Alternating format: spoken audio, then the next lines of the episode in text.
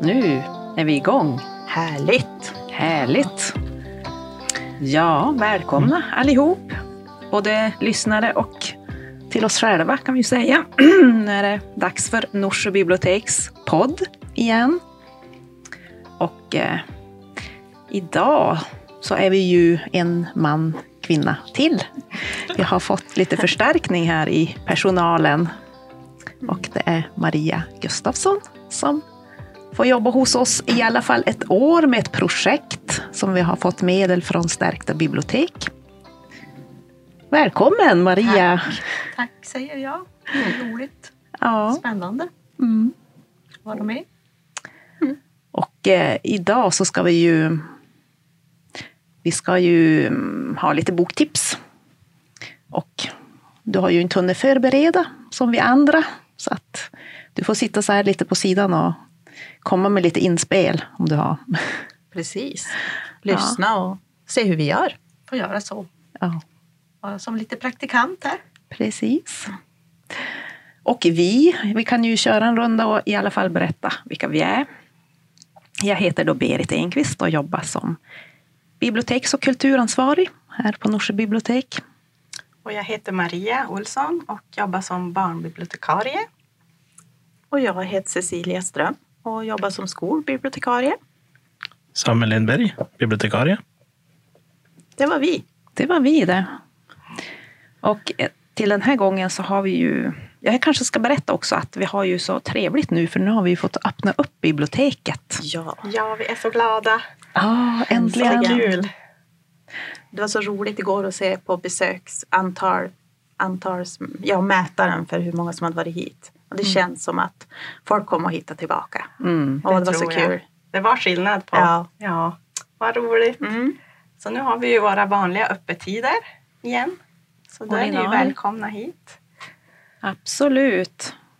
Det är så kul att få träffa folk live. Ja. Det är som en annan sak ändå, även om vi försöker göra mycket digitalt fortsättningsvis också. Ja, vi har ju lärt oss en del nu under corona. Vad man kan göra digitalt. Mm. Och så jobba på lite andra sätt. Mm. Ja. Faktiskt. Det är det goda som har kommit ur det hela. Yes. Ja. Ja, och till idag så har vi ju inte haft något tema på böckerna som vi ska tipsa om. Ibland har vi lite olika, att vi har bestämt innan. Men det har vi inte, så nu blir det lite blandat. Blandade tips. Är det någon som känner sig taggad att börja? Jag kan börja idag, tänkte jag. Jag har med mig två fantasybokserier för ungdomar eller vuxna också, för den delen.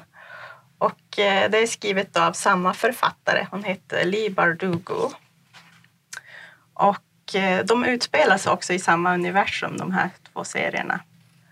Och eh, den här serien, jag började se på eh, tv på en eh, streamingtjänst Eh, och då insåg jag sen att det var böcker det var baserad på. Och The Shadow and Bone hette den serien på tv då. Men eh, sen började jag läsa de här första serien. Och det, de heter I ljusets makt, Stormens öga och Ur askan. Och eh, när jag då läste dem, då insåg jag att det fattades en del karaktärer i de här böckerna. Och de hade slagit ihop som de här två i samma på något sätt. Så det var därför jag inte riktigt fick ihop det. Men de hade gjort det väldigt bra Okej. tycker jag. De hade slagit ihop karaktärerna i serien. Ja, precis. För först är det tre böcker som handlar om Alina. Mm. Och sen är det två böcker till som handlar om här som tjuvarna i Ketterdam. Men i Mm. tv-serien var det som alla i samma. Men det går ju bra för det är ju som i samma universum som de utspelar sig. Och de här tre första böckerna har jag bara två med mig här. Eh, Så handlar det om Alina. Hon är ett barnhemsbarn och hon växer upp i ett land som man kan säga att det liknar Ryssland egentligen. Och eh, hon har en bästa vän som heter Mal. Och när de är unga vuxna så går båda då in i militären. Och Alina hon blir kartritare. Och då när boken börjar så är det så spännande för då ska hon och Mal åka genom något som kallas för skuggsänkan. Det är som ett, vad ska man säga, mörkt moln som går genom landet Och man åker igenom på båtar som liksom går på land och skenar så här. Och i det där molnet så är det ju massa monster som är jättefarliga. Ja. Så det är ju, börjar ju väldigt spännande. Och sen så kom det ju att hända någonting med Alina då. Mm. Oj. Ja, alltså jag tyckte de var jättebra. Mm, Jättespännande. Eh, Och den här skuggsänkan kan ju säga skapades av eh, en som är en gri- grisha kan man säga. En människa som har lite övernaturliga krafter. Mhm. Och eh, ja, jag kanske inte ska säga så mycket mer. Jag vill inte avslöja för mycket men Nej. Kände du att det var okej att du hade sett serien före boken eller skulle du ha velat gjort tvärtom?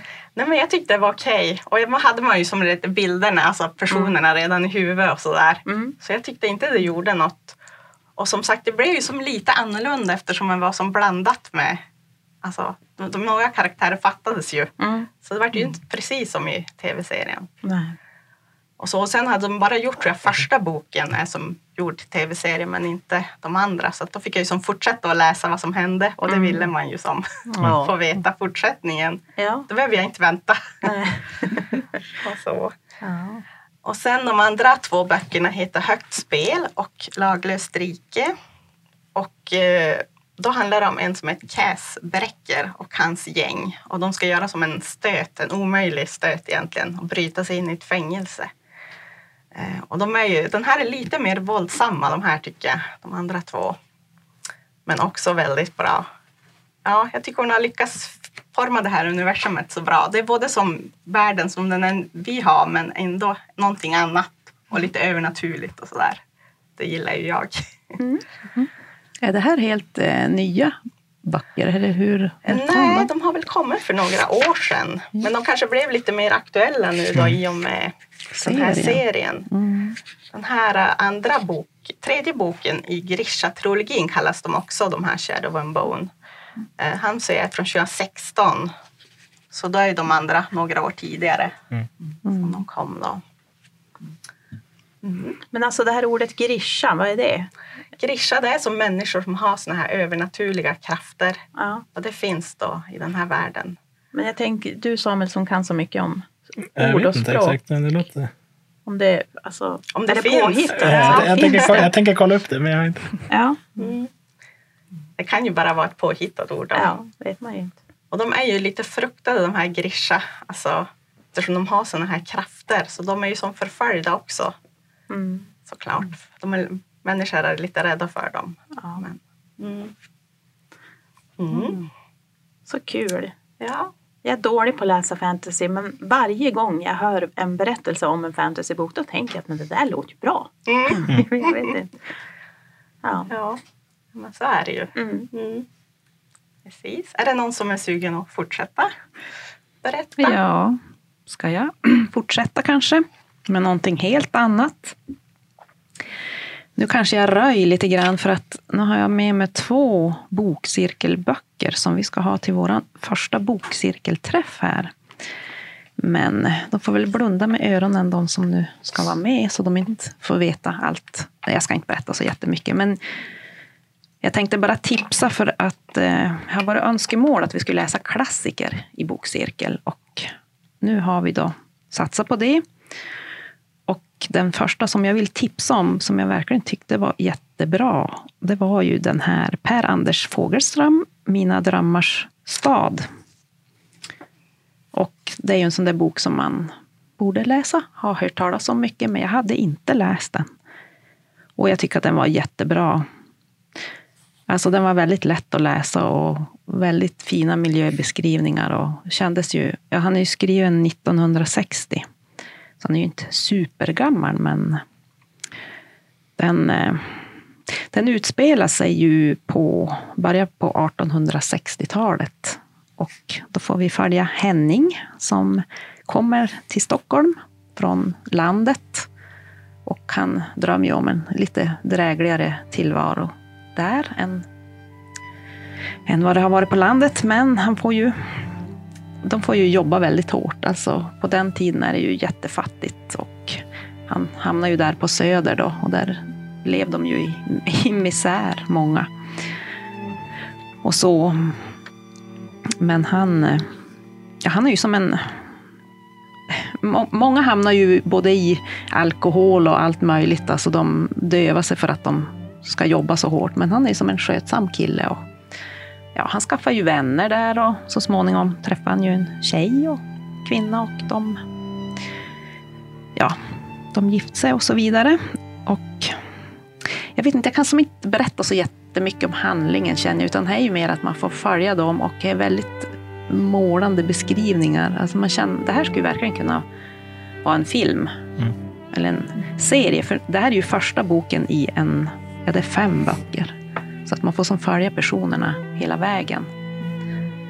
Och fast det är så mycket elände och sådär så är det ändå, ja alltså han, han är rolig och trevlig att läsa. Det är som ändå lite optimism i, i allt. Så att, eh, och så tycker jag det är intressant att, att läsa om Stockholm. Jag gillar ju staden Stockholm. Han är ju, tycker jag är så fin och det är som intressant att läsa om hur det såg ut då. Och att, ja men, om man tänker nu, söder är ju som ett hippt område och då är det ju rent slum kan man säga. Och som för han då som var, han var 15 år när han kom till Stockholm. Och det dröjde ju ett bra tag innan han for någon annanstans än på Söder. Han var som där. Tills han, han träffade en, en kille som han blev väldigt vän med. Som han kallades Tummen. Och han fick som guida han vidare i Stockholm. Så han fick se lite mer. Ja, jag vet Ja, inte. men jag kan ju också säga, jag läste den där för några år sedan och jag vart också så där gripen och Mm. man verkligen känner med de här människorna. Man vill det ska gå bra för dem och det är ju inte så lätt för dem alltid. Svåra tider. Mm. Ehm, Men just det där att det var så bra människoporträtt också. Alltså man kan tro att det är på riktigt. Jo, Mm. Och man får ju verkligen det här, ja, mina små problem är nog inte så Nej. jättestora, om man säger så. perspektiv. Ja, Mm. alltså herregud, vilket liv de levde. Ja, och jag vet särskilt ja, men Emily, hans dotter då, att jag var hon tyckte jag var som, jag ville som följa hennes liv och se hur det skulle gå för henne. Mm. Och sen, för man får ju som följa efter, alltså generationen som kom efter och deras Mm. ättlingar. Så Mm. Det är som intressant. Mm. Sådana böcker tycker jag jättemycket om. Mm. När man får följa i flera generationer. Jag har inte hunnit läsa något mer än den här, men som jag förstår så får man, Emily hon lever nog nästan hela vägen Ja, genom precis. alla. Hon blir ju Mm. gammal. Ja, Mm. för Henning, ja, han får inte så jättelångt liv. Nej.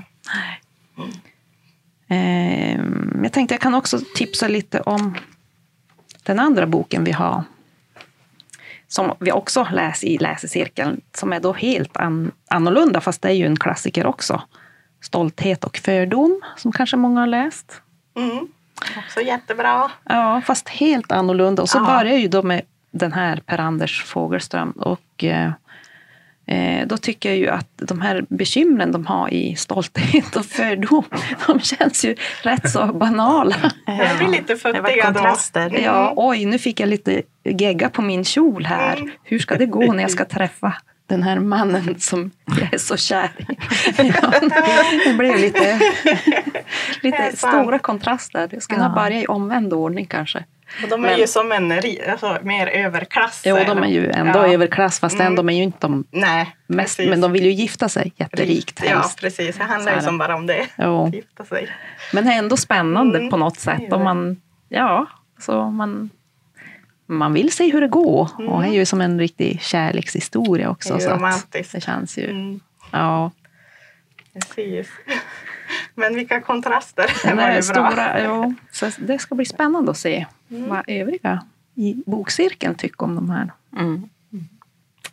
Och vilken ordning de har läst dem i. Om någon har börjat med Stolthet och fördom. Mm. Ja, precis. Ja, om det har någon tankar. Ja. betydelse. Precis. Det kan ni ju ha. Va, Vad är det för år ungefär på, i Stolthet och fördom? Är det 1800-talet någon gång? Mm, nu vart jag Ja, då tidigt 1800-tal. osäker. Jo, Ja. Tidigt det måste ju 1800-tal. vara. Jo. Jane Austen hon levde ju 1775 till 1817.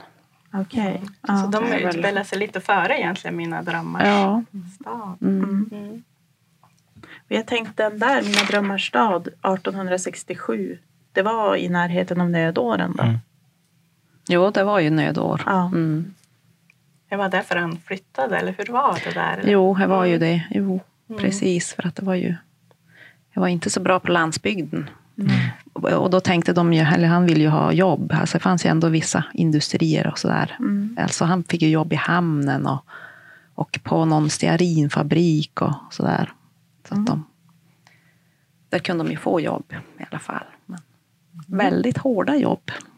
Väldigt fysiskt tunga. Ja, han gick och Mm. bar. Och, Mm. Så att han var ju som utsliten vid, när han var drygt 30. Ja. Mm.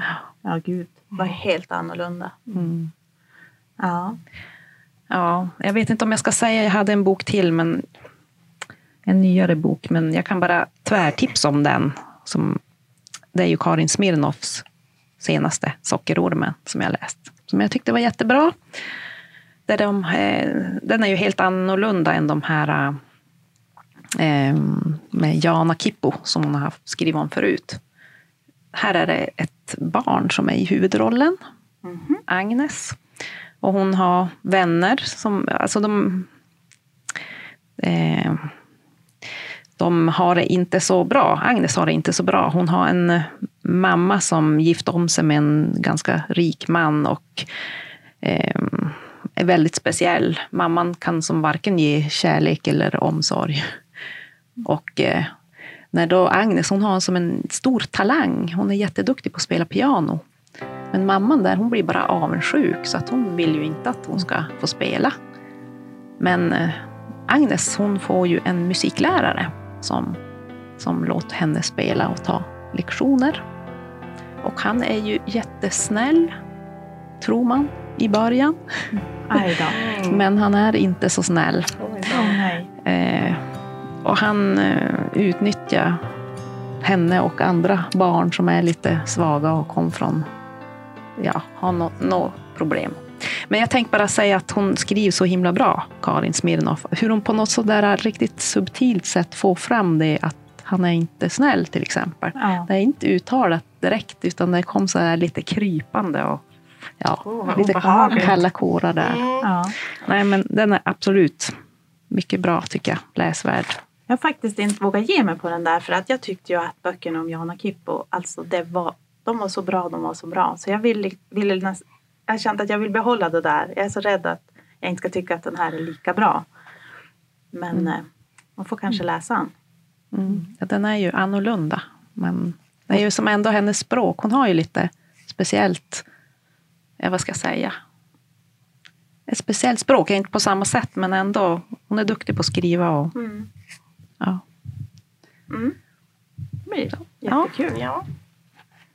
Många tips. Ja. Mm. Eh, ska jag börja? ja. Jag hade tagit med mig två serieromaner som jag tänkte prata om. Eller de är som dokumentära serieromaner, båda två. Eh, det är Mats Jonssons När vi var samer och eh, Durf Backdurfs Kent State.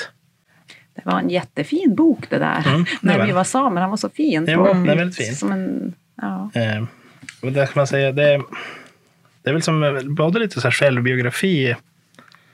Men Han skriver ju självbiografiska böcker främst. Eh, men sen är det också att det här handlar ju som om när han får veta om eh, sitt eh, skogssamiska förflutna och eh, börjar släktforska. Och, eh, för alltså, I början vet han ju som ingenting om det här. Eh, och skogssamerna är ju som också, de, de är ju ganska osynliga i svensk historia. Alltså, Ja, men det är inget man har hört talas så mycket om det. Nej. nej, på något sätt, alltså, på gott och ont, för de har väl fjällsamerna blivit bilden man har av samer. Skogssamerna, de syns ju nästan aldrig i, ja, i kulturen alls. Nej. Eh, och eh, medans, alltså, den hoppar ju lite grann i tiden fram och tillbaka. Eh, men han gör ju som, eh, han gör ju som eh, scener ur historien också, som är hans släkthistoria. Eh, alltså från 1500-talet och framåt. Eh, plus att han har lite som insprängt lite fakta om, om eh, alltså samernas historia. Eh, så det, det är som både en självbiografi och en eh, släkthistoria och eh, lite allmän historia om som, ja, om som 3M. Jo, precis. Och det, är väldigt, eh, det känns som att man är typ med och eh, upptäcker det här. som gjort. Spännande. Eh, och han är ju som, det finns lite så här föremål som återkommer. Typ, det, det finns en silverkrage som går i arv. Och något, jag tror att den stod utställd på ett museum i modern tid.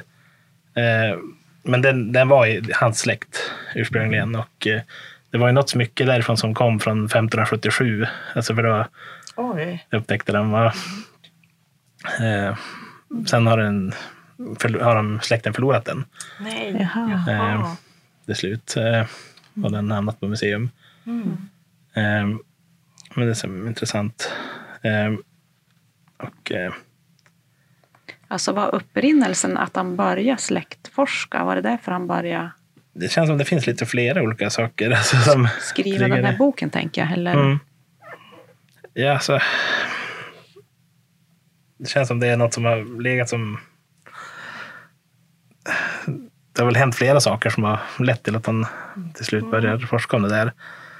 Och alltså, varför, varför de inte har pratat om det här eller varför, Mm. varför, varför ingen vet det. Alltså, det som pappan visste inte så mycket heller. Av, Nej. Nej. eh, så den är ganska... Alltså verkligen en aktuell Jo, Mycket alltså, jag- berättelse. För det är nog mångas Ja. historia och mångas frågor. Varför har jag aldrig Ja. hört någonting om det här? Mm. Och i våra trakter ganska Ja, mycket. Precis, det är ju Malå och sånt där. Mm. Det är ju, Det är verkligen jag tror Norsjö är med också i den här. Men den, Mhm. den, den hörn, men det, ja, Och så tycker jag det är fint det här att, ja. att, man, att, att det är sko- skogssamerna. ja. Och det är ju, Malå är den enda skogssamebyn som finns kvar i Västerbotten. Okej. Okej. Just det. Eh, och Lycksele försvann ju och sånt där. De hade ju en... Mm. Ja. Eh, Och vi är så, verkligen och, sugen och, på att eh, det, var ju, det var ju någon, det var ju något... eh, Alltså personer som bor i Malå, de har ändå bilden av fjällsamisk renskötsel. Att det, för det var, det var någon som fick frågan, så här, "Jaha, är renarna uppe i fjället nu? För de, de, de har bott där i 70 år, men de, de, de vet inte hur, hur de har... Alltså, Hur hur, de sköter renarna och det. nej, vet Nej. för det, Just det har de inte pratat om. Alltså, Nej.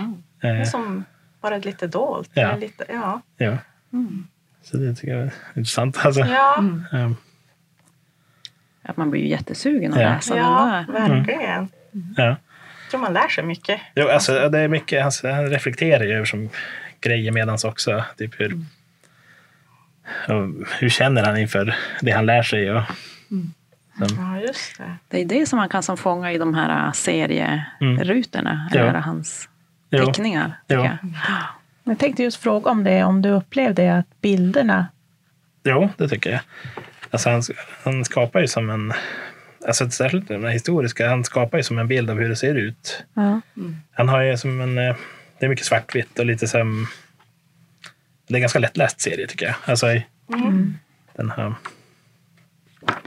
Men vi har lyssnat på någon från Bokmässan som pratade om det här med serier Mm. och att bilderna var så himla viktiga. mm, Eh, om du har något funktionshinder, kanske du har lite Mm. dyslexi.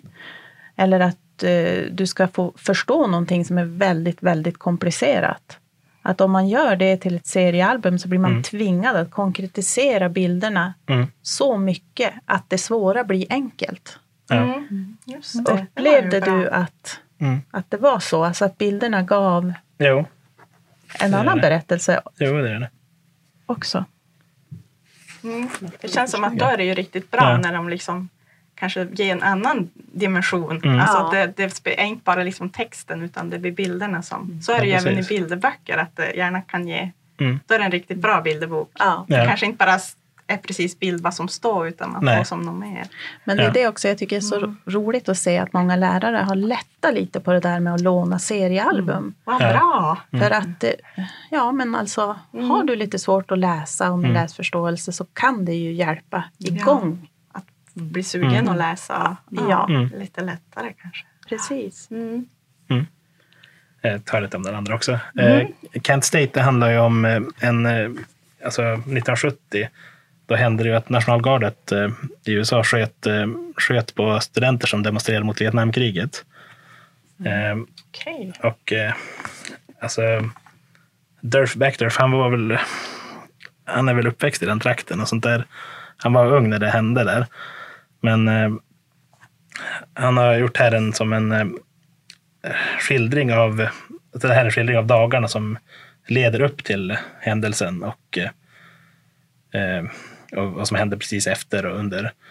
Eh, och eh, man får ju som följa de inblandade, alltså man får följa personer som blir skjutna och eh, poliser och eh, politiker och militärer, alltså som man får som det är, också, det är väl kanske en av de gemensamma sakerna att de är dokumentära och att man får som en närgången bild på saker. Eh, och eh, som, eh, ja men det är alltså hur, hur de leder sina liv och sånt där. Och, eh, hur, hur stämningen var som att det var vet, eh, de, det var ju så mycket med Vietnamkriget och hur, het- alltså, vilket klimat det var. Det var då nationalgardet var där och eh, det var fem eh, polis och underrättelsemyndigheter i, runt universitetet som höll på att utreda. Oj. Eh, så FBI var där och polisen och sheriffmyndigheten och skol, alltså universitetets egen poliskår och, och, och så militära underrättelsetjänsten var där. Och de hade infiltratörer bland studenterna. Oj, oj, oj. Jag vet att folk fick visa upp eh, pass när de det var någon som han blev kontrollerad tre gånger när han var på universitetsområdet av, av nationalgardet. Oj. Och nationalgardet, det var ju som eh, de som inte gjorde militärtjänst i Vietnam. Eh, och de hade egentligen ingen utbildning i att hantera folk. Alltså, officiellt så skulle de ha det, men det hade de inte. De var inte utbildade i att hantera demonstrationer eller sånt där, utan de, var ju militärer i princip. Ja, just det. Eh, och eh, med det, de här protesterna, när, ja, det, det, det urartar ganska rejält. Eh, de, eh, ja, det dog ju fyra personer och sen var det flera som blev skadade och fick men för livet. Jag minns inte exakt hur mycket det var, men det, det, alltså det här är också en lite så här karikatyraktig teckningsstil. Men eh, det, på något sätt, när det händer, alltså det, det blir som fruktansvärt ändå, fast teckningsstilen är så enkel. Alltså det, det, det känns när, folk, när man ser när de skjuter och sånt där. Eh, tycker jag. Alltså den, är, den är också väldigt bra den här. Eh, båda de här böckerna tycker jag skulle kunna vara bokcirkelböcker, alltså om man, Okej. om man ville ha det. Men, Det ska ju vara spännande. häftigt. Eh, De är ju ganska tjocka också. Ja. Vilken idé, Samuel. Ja. Så, Det ska och, och de skulle då passa på samma, alltså, i, tillsammans. På något Ja, sätt. för den där är också då som självbiografisk. Ja, ja, eller så han, det, han, är ju, han var ju ung då, men, men, det, men det är som biografier om de som är Ja, inblandade. Okej, Så- ja. Men Han själv var väl ett barn just då. Men, jaha. Mhm. men han, var, han, han är med i början tror jag, där han åker bil och så blir, ser de att det är soldater och sånt där. Mm. Där är Nixon såg jag här. Jo, precis. Ja. Ja, det, är väl, det var väl runt en tio, alltså Nixon hade väl lovat att eh, trappa ner kriget, men, men så, så, gick de, så ingrep de ju mot Kambodja också. Och det är lite det som triggar att det blir mer demonstrationer där. Eh, Också som en historielektion i ja, jo, Där. jo, det är också, båda har ju Mm, också sådana här, typ, eh, plötsligt kommer det ett uppslag med lite fakta och sånt. Ja, det är så också. Jo, Just så det har väl gjort ganska likt. Ja, Ja, det låter ju riktigt bra. Mm. det ska jag Verkligen. rekommendera faktiskt. Ja, ska jag ta min bok då? ja. Mm. Jag har en roman eh, som heter Lämna världen bakom dig. Med, och jag vet inte riktigt hur man uttalar det, men Ruman Alam. Kan det vara så, Samuel? Det kan det väl vara. Jag vet inte hur man säger Durf Backdurf. Men eh, ja, jag har då i alla fall läst den. Och eh, det här blev ju en, egentligen kan man säga en läsupplevelse eh, på flera olika sätt. Eh, men för två år sedan så kändes ju kanske det som händer i den här boken som någonting helt absurt. Men tyvärr så känns det ganska realistiskt idag med coronan i, i ryggen. Och eh, den här romanen, han blev eh, från att vara en ganska lugn roman till en thriller, skräck gnagande oro, jätteobehaglig. Mm Men det börjar med en medelklassfamilj som eh, ändå är rätt så privilegierad, för de har råd att hyra ett sommarhus på landsbygden utanför New York. Eh, de ska vara där på en veckas semester med sina två tonårsbarn. Och den här titeln, Lämna världen bakom dig, syftar delvis på det. Att nu, nu har vi semester och nu ska vi lämna världen bakom oss. Och de eh, märker ganska fort att det är dålig mobiltäckning. Eh, men de har ju ändå uppkoppling och sådär, men de, de känner av det. Och redan där blir de lite nojiga över det. För mamman vill ju tjuvkolla sin jobbmail och hon vill som känna sig behövd och uppskattad och att få liksom gå in i mejlkorgen under semestern och säga att oj, 15 stycken behöver mig, det ger hon lite tillfredsställelse. Hon känner sig viktig. Mm. Eh, och ehm, jag tror att det är två dagar ungefär in i semestern som går hyfsat lugnt. Men man får ändå som känna av någon sorts åmen. Han skriver in det väldigt subtilt. Men man känner att det är någonting som ska hända här. Och så blir det ett jättestort strömavbrott på östkusten. Och de som då äger huset, de, de var i New York och såg alla lampor slockna i New York.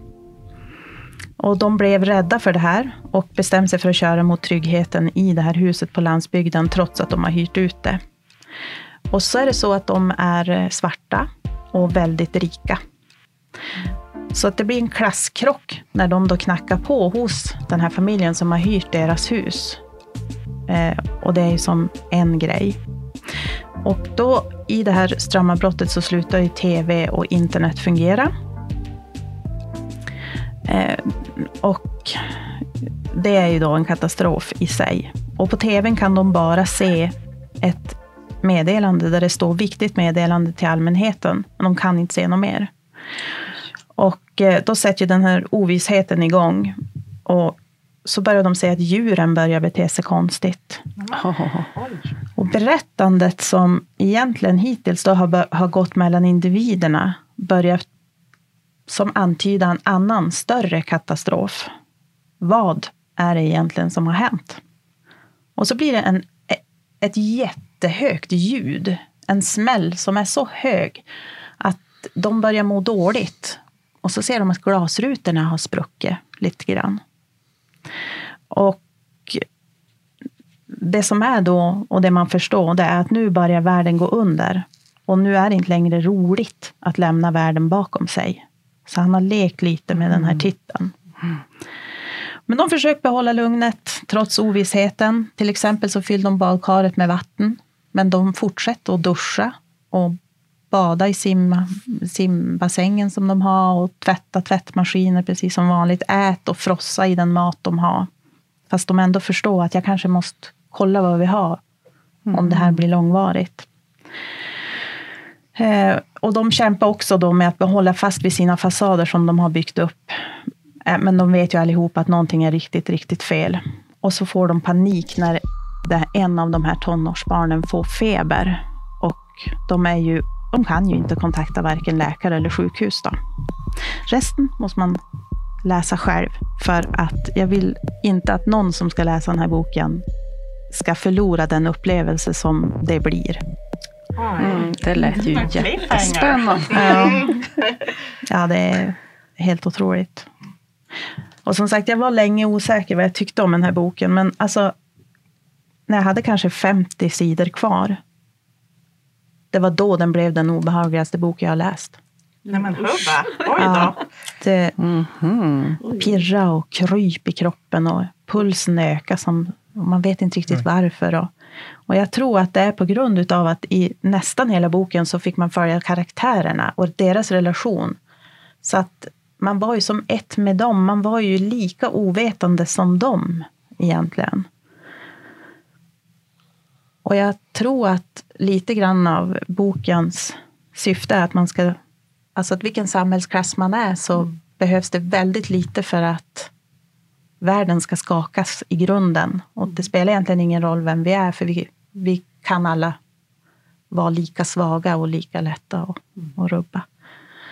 Och Netflix har köpt rättigheterna så det blir en film.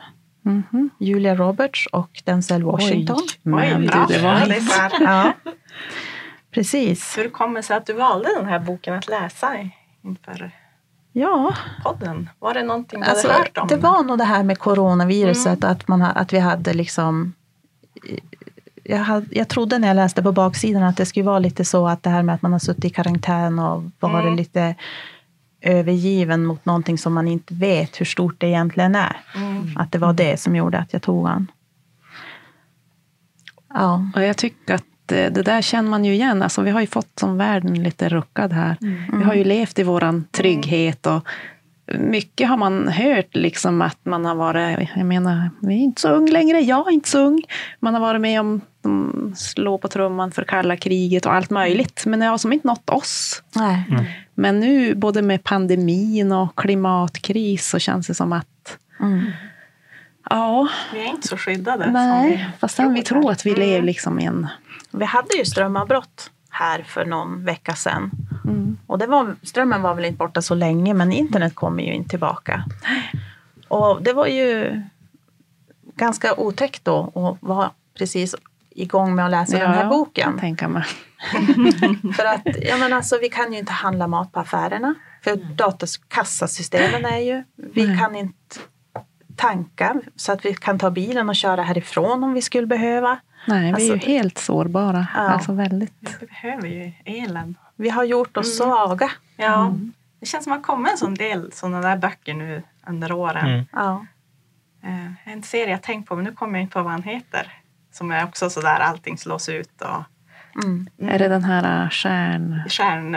Ja, Stjärn- Wilderäng eller? Lars Ja. Wilderäng, ja, Ja, precis. precis. Där är det också sådär att det liksom Ja. blir mer och mer Mm. Mm. blir påverkade av allt försvinner. Mm. Mm. Ja, den där mm, Ja, kändes som att... creepy. Ja, det ja. Ja. Mm. Men jag, jag tänker lite så att man ska veta det att den kan kännas lite så här, är den här boken bra?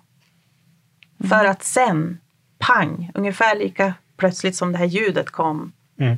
då, jo den är bra. Mm. Man ska inte ge upp. Lite oväntad Ja. vändning eller vad ska man säga? Ja, jag eller? vet inte vad som hände. Nej. Alltså, han kryper under skinnet på det på något sätt, alltså den här Mm. Rumana Lam. Och han har, det är hans tredje, tredje roman, men det här är den första som slår internationellt. Ja. Och han har eh, blivit nominerad till National Book Award för den Okej. här. Och det var en succé i USA. Jag tror han släpptes där i fjol. Och är nu då översatt till svenska. Mm. Spännande. Mm. Oj, ja. Jag blir sugen att läsa den där. Väldigt. Mm. Mm. Jag blir alltid sugen att läsa Alla efter böcker. våra boktips här. Ska vi byta grejer? Ja, skicka vi- runt böckerna här. får vi byta. Mm. Ja. Ja, men eh, det kanske var allt för idag det här. ja. Det var mycket tips idag. Många Ja. tips. Mm. Och eh, får vi se om vi har något tema till nästa gång. Det har Mm. vi inte pratat om faktiskt. Det var ju funderat på att bestämma I förväg. förväg. Mm. Mm. ja, vi får se. Vi får klura på det. Vi Ja. får lämna det som en cliffhanger Lite också. Ja. Ja. precis. Det blir Nej, bra. får vi önska alla en trevlig dag. Och så återkommer vi ju Det gör vi. Ja, om en tack månad ungefär. Ja. Ja. Och välkommen hit! Ja, välkommen Välkommen till biblioteket. Mm. Hej då. Hej då!